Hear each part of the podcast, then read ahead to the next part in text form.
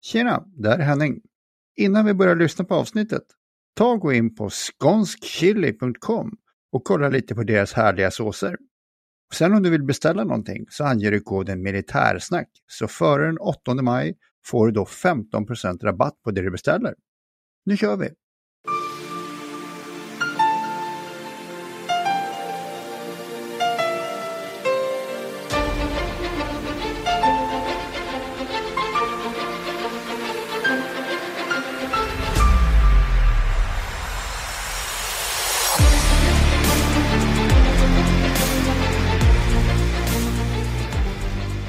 Lyssnar på Militärsnack, podcasten där militära saker blir lätta att fatta.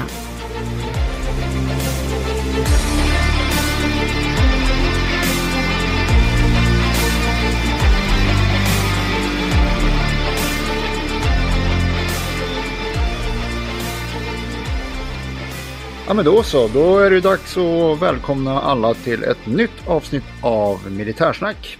Och den här veckan ska vi prata lite om övningen som är i Sverige just nu. Och jag som pratar heter Henning Svedberg och på andra sidan fältet sitter... Löjtnant Andersson. Det är härligt. Tackar så mycket. Hör du, du är ute till skogs och övar. Mm. Berätta, hur går det? Jo, det går bra, men eh, först ska vi väl berätta att, eh, vilken veckodag det är. Ja, det är fredag. Det är fredag. Mm. Vad, när du är i fält, vad längtar man efter för öl då? Oj, ja man längtar nog efter, efter eh, en, en säng och elektricitet och rinnande vatten och eh, eh, dusch, eh, lagad mat och så vidare. Men ja, och öl då såklart. Mm. Men eh, nu har jag ju förmånen att faktiskt ha en öl här idag. Mm.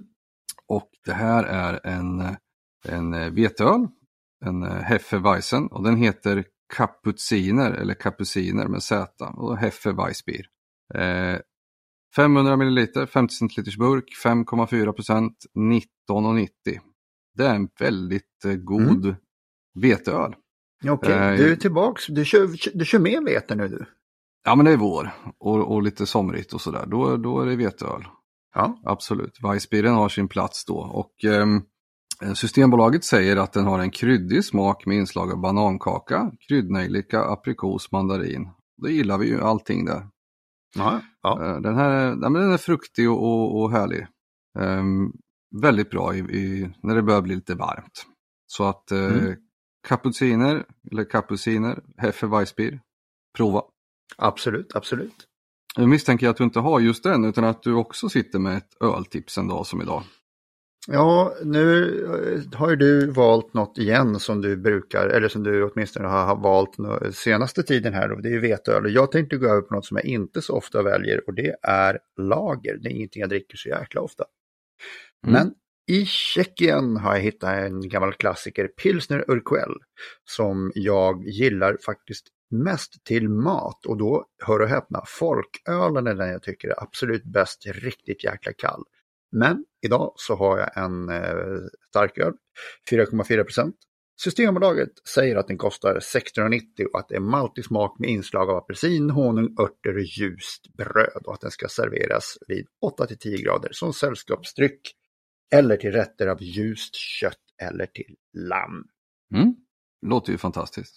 Den, den är ju, ska jag säga, det, i min familj så är det en jätteklassiker. Farsan gör ju sådana här eh, långkok och sånt och allt från kärlknöl och allt möjligt. Och det var alltid pilsner urquell, det var den han valde och eller väljer fortfarande då, när han gör någonting som ska vara riktigt, riktigt husmannigt.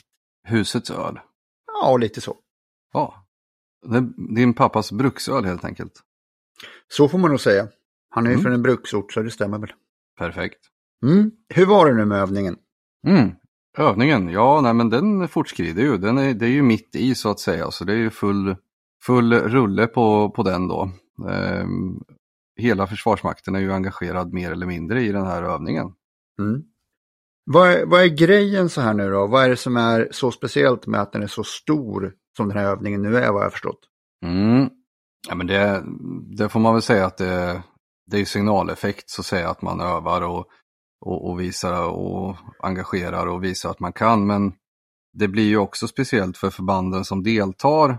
Så det är ju inte så att alla förband träffar alla förband och, och ser alla förband utan eh, ehm, för en, en bataljon så skulle det kunna vara en, en, att man övar mot en annan bataljon. Så att, att hela Försvarsmakten är aktiverad, det mer eller mindre, det märker ju inte gemene man riktigt så. Men eh, om man pratar större övningar generellt, och då håller vi oss till markarenan här då eftersom jag jobbar där, så jo men dels så är det ju spännande att få pröva sig mot eh, andra förband. Och sen är det ju i det här skedet i en värnplikt till exempel eller så som man faktiskt prövar och har prövande övningar. Och för att mm. och liksom eh, för att förklara det enkelt som i början så övar man ju enskild soldat, det är ju väldigt enkla lokala övningar. Och sen så övar man ju befattningar, man lär sig, alltså de som ska bli granatgevärsskyttar är ju på en granatgevärsskola och de som ska bli stridsfordonspersonal eller luftvärnsskyttar eller ingenjörssoldater, de är ju på en speciell utbildning för sin befattning så att säga. Sen mm. Eh, i, i förbandsskedet, då syr man ju ihop det här till ett, ett fungerande förband där alla gör sina befattningar. Och det här är ju liksom nästa steg när man prövar hela förbandet.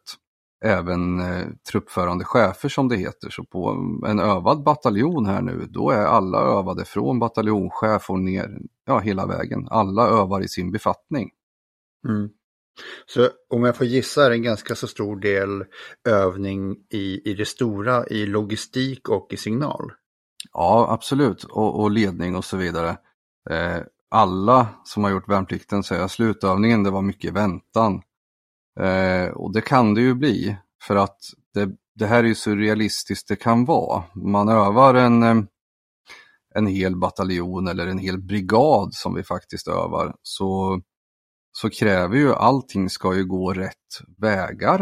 Eh, man, man, kan inte fuska någonstans för att få bra moment. Om ett mm. kompani är ute och övar själv då kan man öva alla befattningshavare också, men man kan ju också välja att eh, som övningsledare ge andra förutsättningar. Ja, den här vägen eh, den är minerad till exempel. Det kan man ju bara hitta på. It's that time of the year. Your vacation is coming up. You can already hear the beach waves, feel the warm breeze, relax and think about work. You really, really want it all to work out while you're away. Monday.com gives you and the team that peace of mind. When all work is on one platform and everyone's in sync, things just flow wherever you are. Tap the banner to go to Monday.com.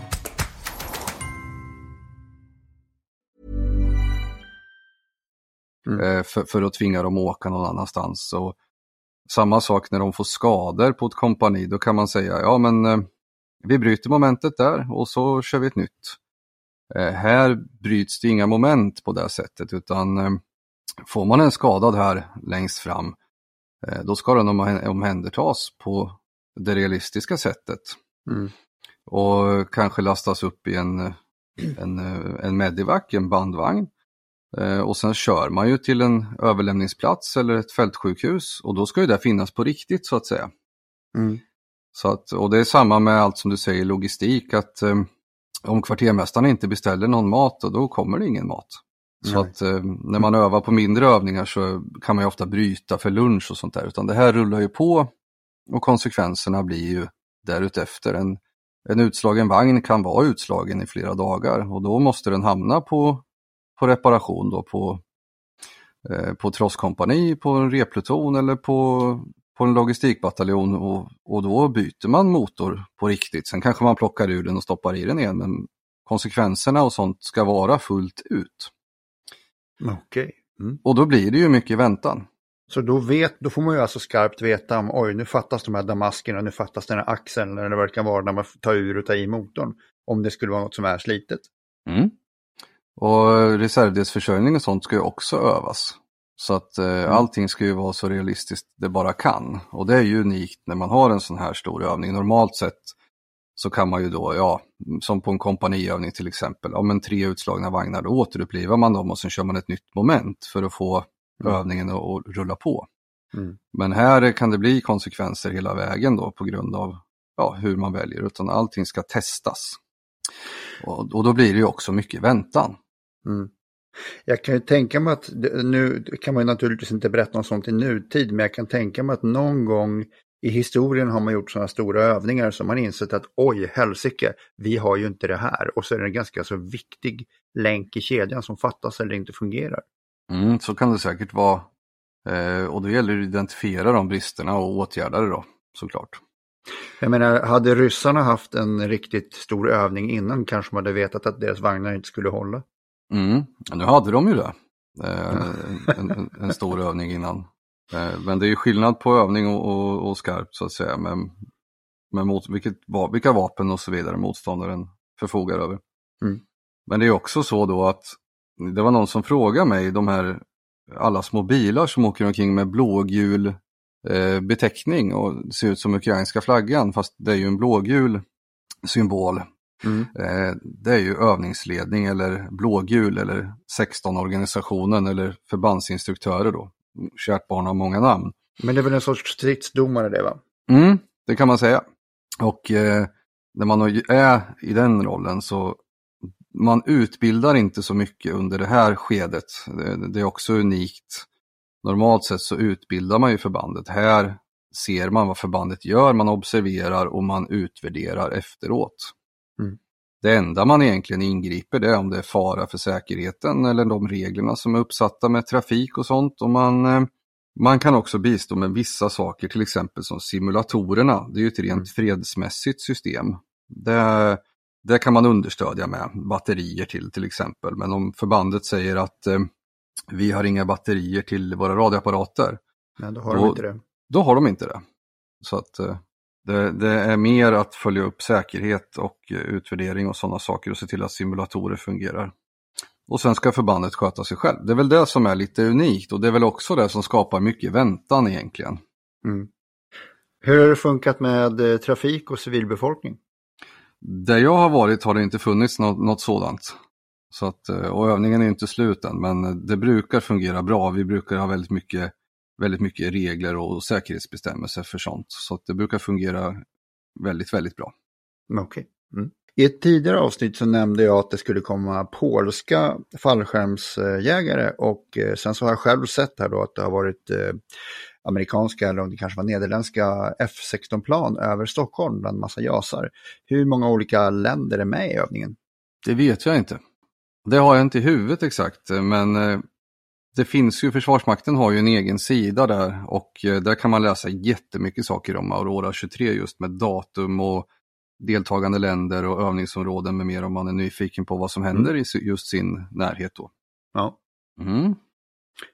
När det är så mycket människor som är med i en övning så måste det vara enorma mängder information och resultat att gå igenom för att sammanställa övningen. Hur lång tid kan det ta innan en övning är så att säga, när man är klar med övningen och fått fram en, en, en slutrapport? Ja, det kan jag inte svara på. Jag kan gissa. På hög nivå, alltså på brigad och, och uppåt, så kan det säkert ta eh, en stund innan det här är sammanställt. Men eh, vi har ju de här STA som eh, fanjunkare Tim pratar om i avsnittet om simulatorer. Yeah. De sammanställer ju det här generellt ganska fort då, lokalt. Om man har slagits bataljon mot bataljon eller bataljon mot kompani till exempel så kan de ofta ha en utvärdering samma dag med statistik om förlustsiffror och skadade och, eh, och tider och, och rapporter och så vidare. Mm, mm. Så de, de kan utvärdera ganska kvalitativt. Sen finns det andra system då där man har eh, personer som är ute och validerar. De följer stora ett, stort, ett jättestort utvärderingsdokument till exempel som de tittar specifikt och svarar på alla frågor hur just det förbandet eh, sköter sig. Mm. Och det tar nog lite längre tid att sammanställa skulle jag tro. Hur mycket utländska observatörer kan man gissa att man har på en sån här övning? För det finns väl vissa länder runt omkring oss som är ganska nyfikna på hur effektiva vi är och vad vi har. Ja, den kan jag inte heller svara på helt, men det jag vet är att det finns ju olika typer av samarbeten och olika typer av öppenhet och, och så här när man får, där man anmäler deltagande då om att man, eh, att man har rätt att komma och observera och då anmäler man deltagande så får man åka och observera och titta på övning och sånt. Så det förekommer nog i ganska stor utsträckning, det skulle jag tro. Både legal och illegal då kan jag tänka. Ja, det legala är nog synnerligen uppstyrt och det illegala det är ju någonting man, som sannolikt förekommer eh, men som man försöker undvika i högsta möjliga mån då såklart. Mm, mm.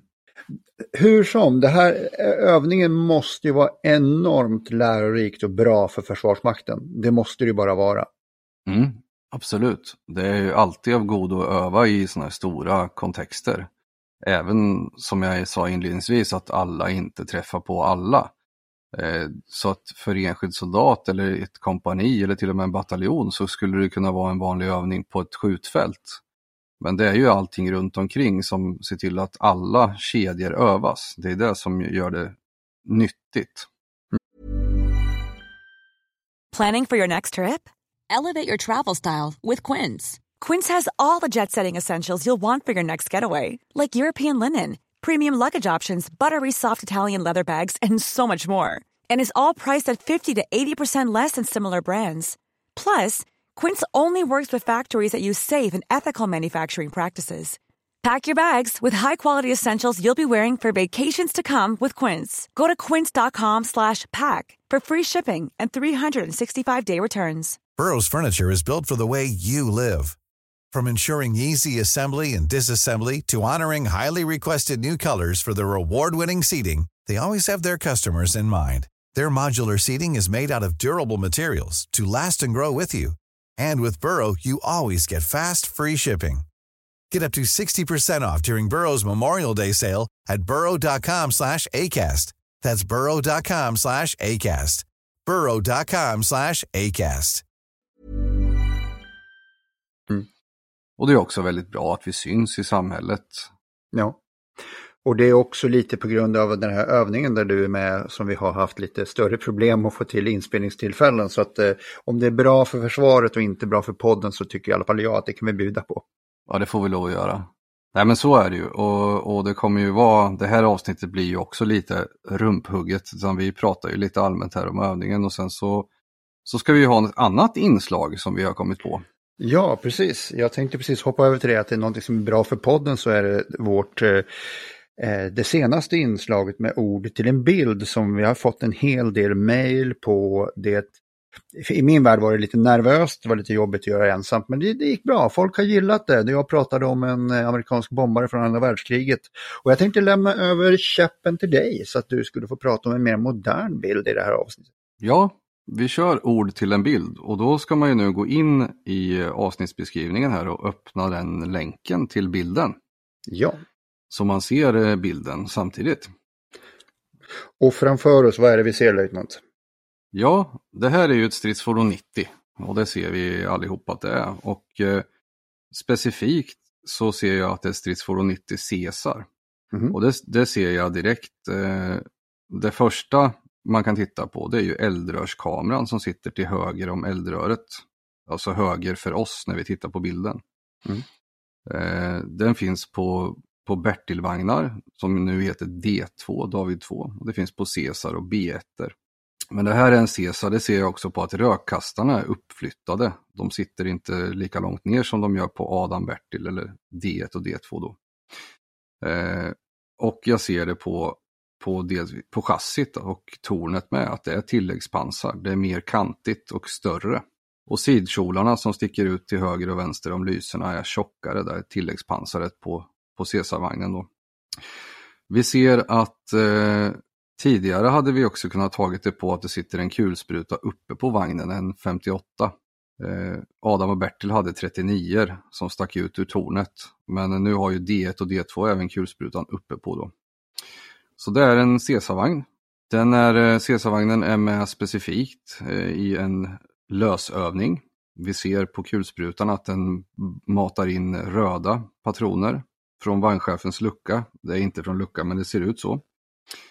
Det är röda patroner där och eh, att det stora eldsmolnet tyder på att lösskyddsanordningen är monterad. Vi ser även att den är utrustad med BT-system eller simulator då. Och det ser vi på flera olika ställen.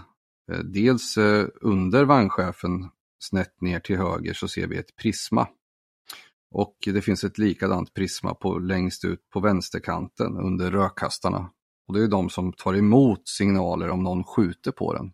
Det sitter även två Prisma bak som vi inte ser. Vi ser en eldenhet, en pyroteknisk låda som sitter till vänster om kanonen med blåa pluttar i. Och det är ju eld, den som eldmarkerar när man skjuter med kanonen. Eftersom kanonen inte har någon lös ammunition så är det den här lådan som avfyrar de här blåa eldmarkeringspatronerna. Då. Mm. Vi ser att lådan har tre stycken eldmarkörer kvar och att huvuddelen är utskjutna, så den här har skjutit ganska mycket. Mm. Så den har tre skott kvar där som markerar kanoneld. Och uppe på kanonen så ser vi också själva skjutenheten. Det sitter som ett rör uppe på, snett upp vänster från den här eldrörskameran som jag pratade om då, som är själva simulatorenheten, den som skickar iväg laserstrålar när vi skjuter. Och det sitter även en eh, chassienhet till BT-systemet eh, mitt på vagnen på chassit fram. Och den här enheten den eh, har egentligen till uppgift för att, att känna om vagnen är i skydd eller inte. Så har man bara kanonen sticker upp så vet den att den står i skydd. Mm, okej. Okay. Kontra om den står som den gör nu, då kan man skjuta på chassit då helt enkelt. Hade det varit en jordvall framför så har den ju ett visst skydd av den. Vi kan också se att eh, mynningsskyddet sitter på kanonen, vilket det normalt sett gör när vi inte skjuter skarpt. Eh, den har ett vitt kryss där. Eh, sannolikt någon form av markering för den ena sidan, en fiendemarkering. Eh, att eh, eh sida A har ett vitt kryss då till exempel. Så man ska känna igen om det är en motståndarvagn eller inte. Vi ser också att eh, den högraste rökkastaren längst upp har tappat skyddslocket. Det hänger i en liten vajer. Och det, det har nog bara åkt av när man har framryckt i terrängen helt enkelt. När man, annars så ska ju skyddslocket sitta på. Eh, om man skjut, ska vara utrustad för att skjuta röken skarpt, då sticker det ut långa rör ur de här rökkastarna. Rök, den närskyddsröken man har får inte plats i den där utan den sticker ut en bit. Då.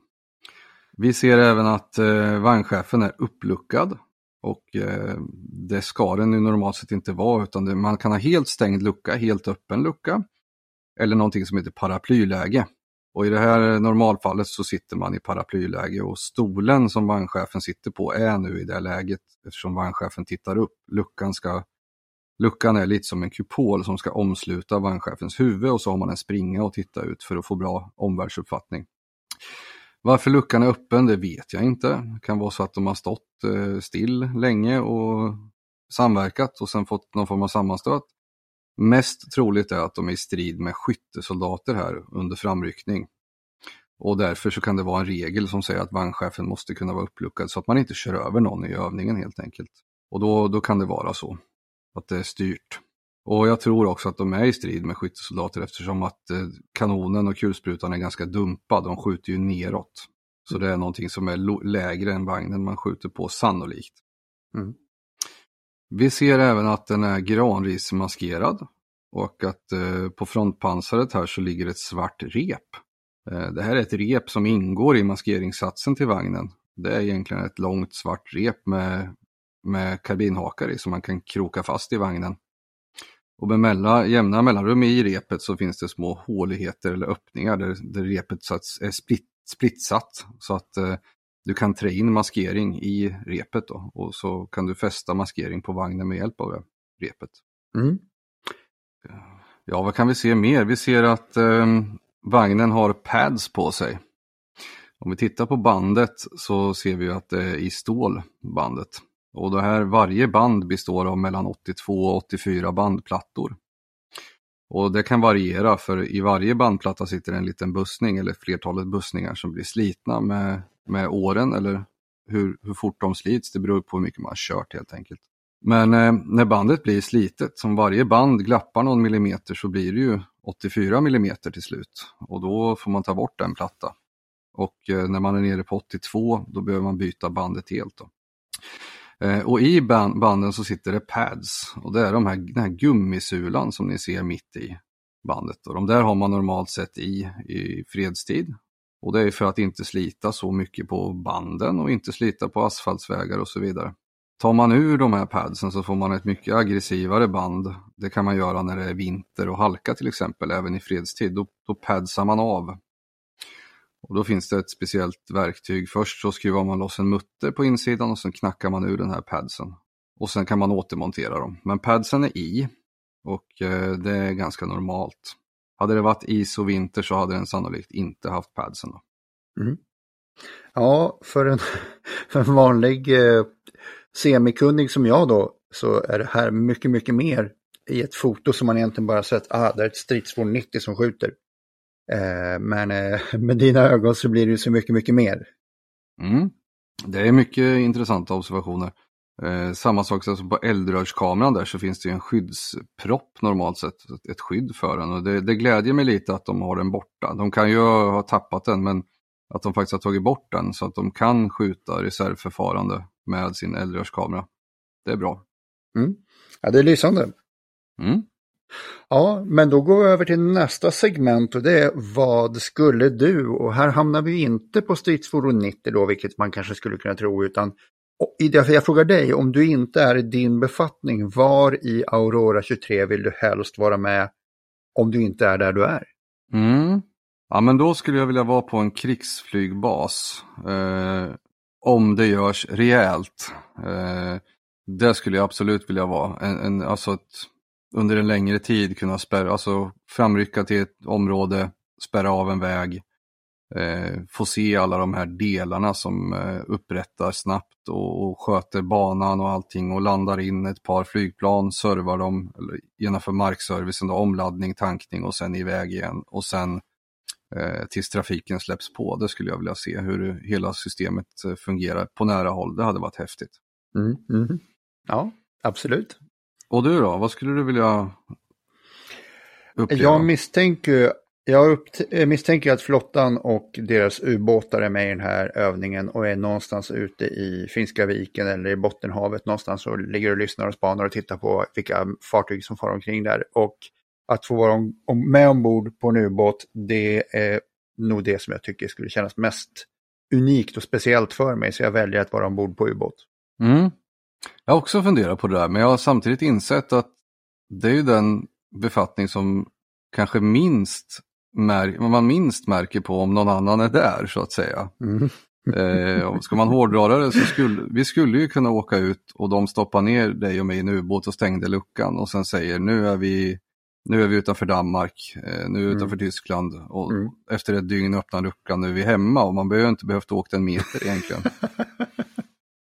Jag, tror inte det gör, jag tror inte det gör så mycket, det är rätt häftigt att bara vara där. mm. Vi har ju fortfarande, så jag menar omvärldsläget där är ju väldigt eh, lätt att simulera så att säga, misstänker jag. Mm. Ja.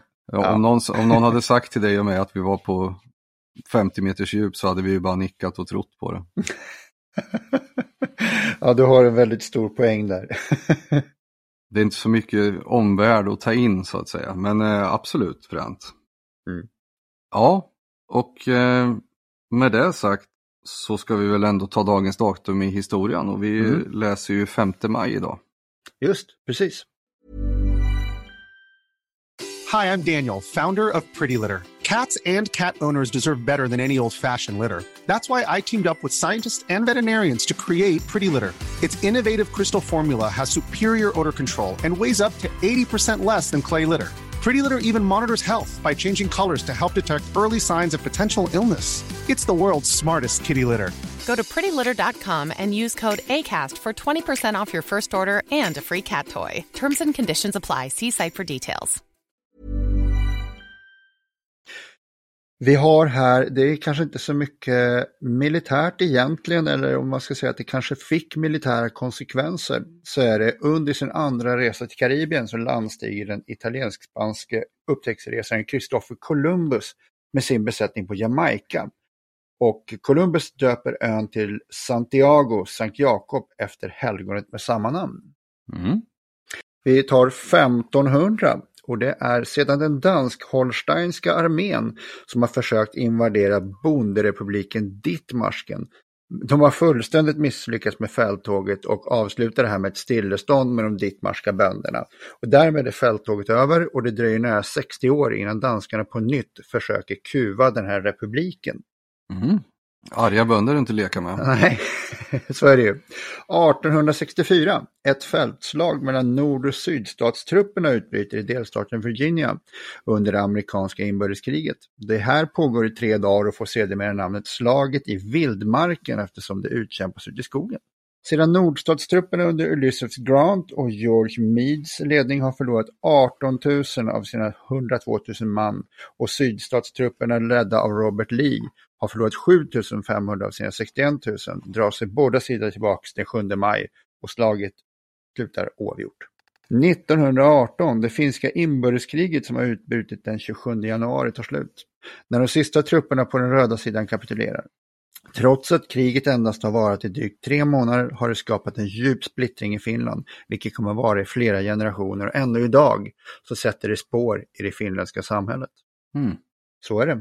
Så är det. Sen har vi också att 2011 så dog Cloud Schulz, 110 år gammal. Han var brittisk-australisk soldat. Han var den sista bekräftade krigsveteranen från första världskriget. Men vet du mer då? Berätta. 5 maj, Cinco de Mayo. Det är ju Mm. en eh, regional helgdag i Mexiko. Just. Det ska man inte glömma. Och det finns en militär anknytning där. Den firas väl för att komma ihåg den första segern som de mexikanska styrkorna vann och han, när de leddes av general Ignacio Zaragoza. Som de Mhm. vann över Frankrike i slaget vid Pubella den 5 maj 1862. Är det han som har gett namn till Sargassohavet? Eh, Väldigt oklart, jag har svårt att tro. Kanske tvärtom. Ja. Mm. Ja men då löjtnant, då har vi ett lite kortare avsnitt denna gång. Jajamän. Och det får man helt enkelt ha överinseende med. Att det blev lite kortare förra gången och den här. Men vi har ett avsnitt och folk eh, får ju villigt eller motvilligt lyssna på våra röster i alla fall. Ja, jag kan tycka att eh, har du åsikter i åt någon riktning så eh, vad det gäller vår ord till en bild så mejla gärna och säg vad ni tycker. militarsnack.gmail.com Jag gör det. Vi kanske ska göra det fler gånger. Det var ju mer bara en, en så kallad gap filler om vi ska vara lite anglo, anglofilistiska. Mm. Utfyllnad, men en väldigt bra sådan tycker jag. Jag trivs med den så att jag vill gärna ha den kvar. Absolut. Och då skulle det väl framförallt vara du som pratar om eh, flygplan och främst under andra världskriget och jag om mer modern materiell. Var får du det ifrån? Varför skulle jag? Den känsla jag har. Ja, Men eh, glöm inte att eh, gå med på vår Facebook-sida, Militärsnack Precis. podcast. Pre- Och vi finns på Instagram och vi har ju vår webbsida militarsnack.se. ja. Och där står också hur man kan skänka slantar till vår bärs och vad man nu vill stödja oss med. Precis, vi har ju våran öl-swish om man inte vill stödja oss som Patreon. Då kan man göra det. Ja. Ja men då så löjtnant. Då ska du få återgå till den gröna tjänsten. Det ska jag göra. Så tackar vi så mycket för oss. Ja, återseende. Ha det bra. Hej! Hej då, hej då.